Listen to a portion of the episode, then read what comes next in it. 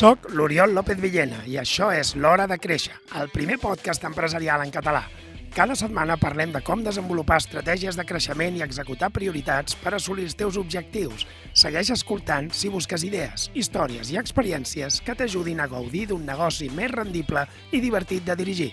Som-hi!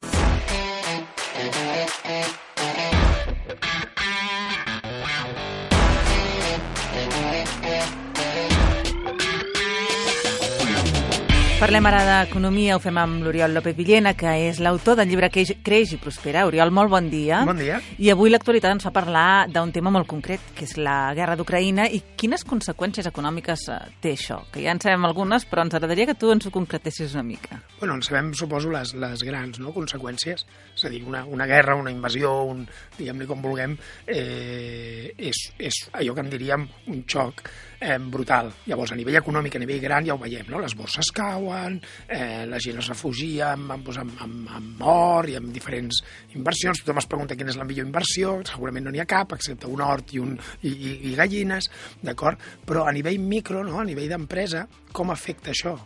I, i el tema és que afecta de moltes maneres. Una d'elles és la inflació. Ja l'havíem patit, ja l'estàvem patint, mm -hmm. i en vam parlar, d'acord, aquí. I, I això pot agreujar-se. Clar, perquè veníem d'una inflació produïda per una pandèmia, una situació econòmica molt diferent, ara estem Clar. en guerra. No, no teníem pensat això, eh? Clar, això no estava previst, no? Això és una, una mica tu i jo, ja fa un parell d'anys, quan ho gravàvem des de casa, eh, en parlàvem, no? I dèiem que no hi haurà nova normalitat. Doncs bé, el temps, en temps, podríem dir, ens ha donat la raó, malauradament. Sí, sí. I és que no hi ha nova normalitat, és a dir, la incertesa és, és viva i és sempre així. Llavors, la inflació seguirà existint i, a més, anirà segurament a més. Per què? Perquè els preus dels subministraments, vulguis que no, quan tanques el gas rus. I això, els meus fills avui em preguntaven, ja, però clar, aquí no tenim gas rus, no? Perquè m'ho van preguntar fa uns dies. I, I els hi vaig dir, no, aquí ve el gas, segon majoritàriament d'Àfrica, però clar, això vol dir que hi ha més demanda. O sigui, si menys gent demana gas rus, hi ha més demanda del gas que no és rus. Per tant, mm. això fa pujar els preus, perquè ja gas és limitat, d'acord? Per tant, la inflació pujaran els subministraments, segur. Um, jo tinc un client que té una empresa de transport, la seva empresa de transport, ell transporta per tota Europa, i l'empresa de transport amb la que treballa és una empresa de transport de capital rus. Per tant, què vol dir? Que, que tindrà segurament limitats els pagaments a aquesta empresa o la feina amb aquesta empresa. Mm -hmm. Això són coses que ens passaran, no? Si tenim clients o proveïdors russos o de capital rus, pot ser un problema per l'empresa. Per tant, el primer que hauríem de fer és agafar la llista de clients, veure què tenim. La llista de proveïdors, veure què tenim. I, i una vegada ho veiem, què? Què fem? Una vegada ho veiem, doncs Perquè hem que d'operar... costa molt a vegades canviar. Bueno, hi ha dues maneres d'operar, no? Una és contingència, a nivell contingent és ara seré molt poc professional, eh, però fes el que puguis. Vull dir, cada cas serà un Em món. sembla que aquest, aquest serà el cas de la, de la majoria, no? Bueno, clar, cada cas és un món. Cada client serà un món, hi haurà clients que podràs, eh, que potser tindran una empresa situada aquí, hi haurà clients que són russos i estan a Rússia i res més. Eh, potser tu, pel motiu que sigui, no vols operar amb ells perquè no estàs d'acord amb la inversió, perquè vols castigar l'economia russa. Jo no, no entro en judicis, no? però això pot passar. Per tant, el, el plantejament és que, cada, que operis com bonament puguis.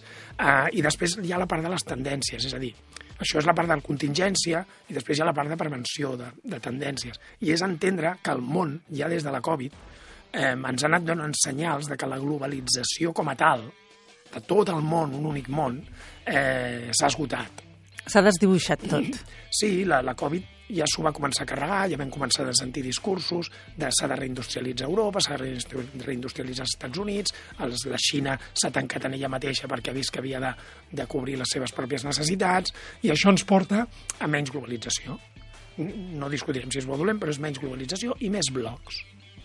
Mm. Esperem que no siguin blocs bèl·lics, d'acord? És a dir, que siguin blocs... Econòmics. Blocs econòmics, doncs una, un bloc on, on se circula lliurement i on es ven i es compra lliurement, un altre bloc on igual, i esperem que no vagi més enllà de, de, de lo econòmic. Però, bueno, pot, pot passar, i per tant has de buscar, com a empresari, has de buscar alternatives. Ai, que si difícil. fabriques a la Xina, doncs has de pensar en quan et costaria fabricar a Europa o al nord d'Àfrica. Si tens una empresa de transport que és eh, russa, doncs has de pensar en quines alternatives tens aquí.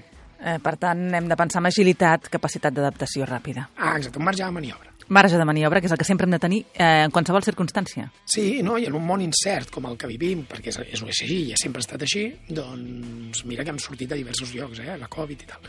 Vull dir que has de tenir molt de marge de maniobra, per tant has de tenir estalvi en la mesura del possible i has de tenir moviment, moviment ràpids. Uh -huh. Doncs uh, aquest és el consell des d'aquí, però clar, sí. és evident que a vegades s'arriba tard, no? I allò de tenir l'establi mm, sempre t'agafa amb el pas canviat.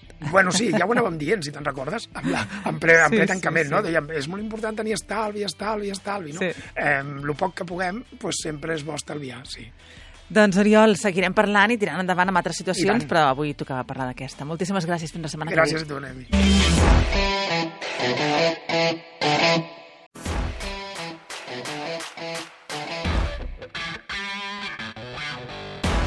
Gràcies per acompanyar-me en aquest episodi de l'Hora de Créixer. Si t'ha agradat, ja saps què has de fer escriu una ressenya, comparteix-ho amb algú i uneix-te a la comunitat de les empreses proactives. Gràcies per escoltar-me i recorda, l'acció és qüestió de prioritats.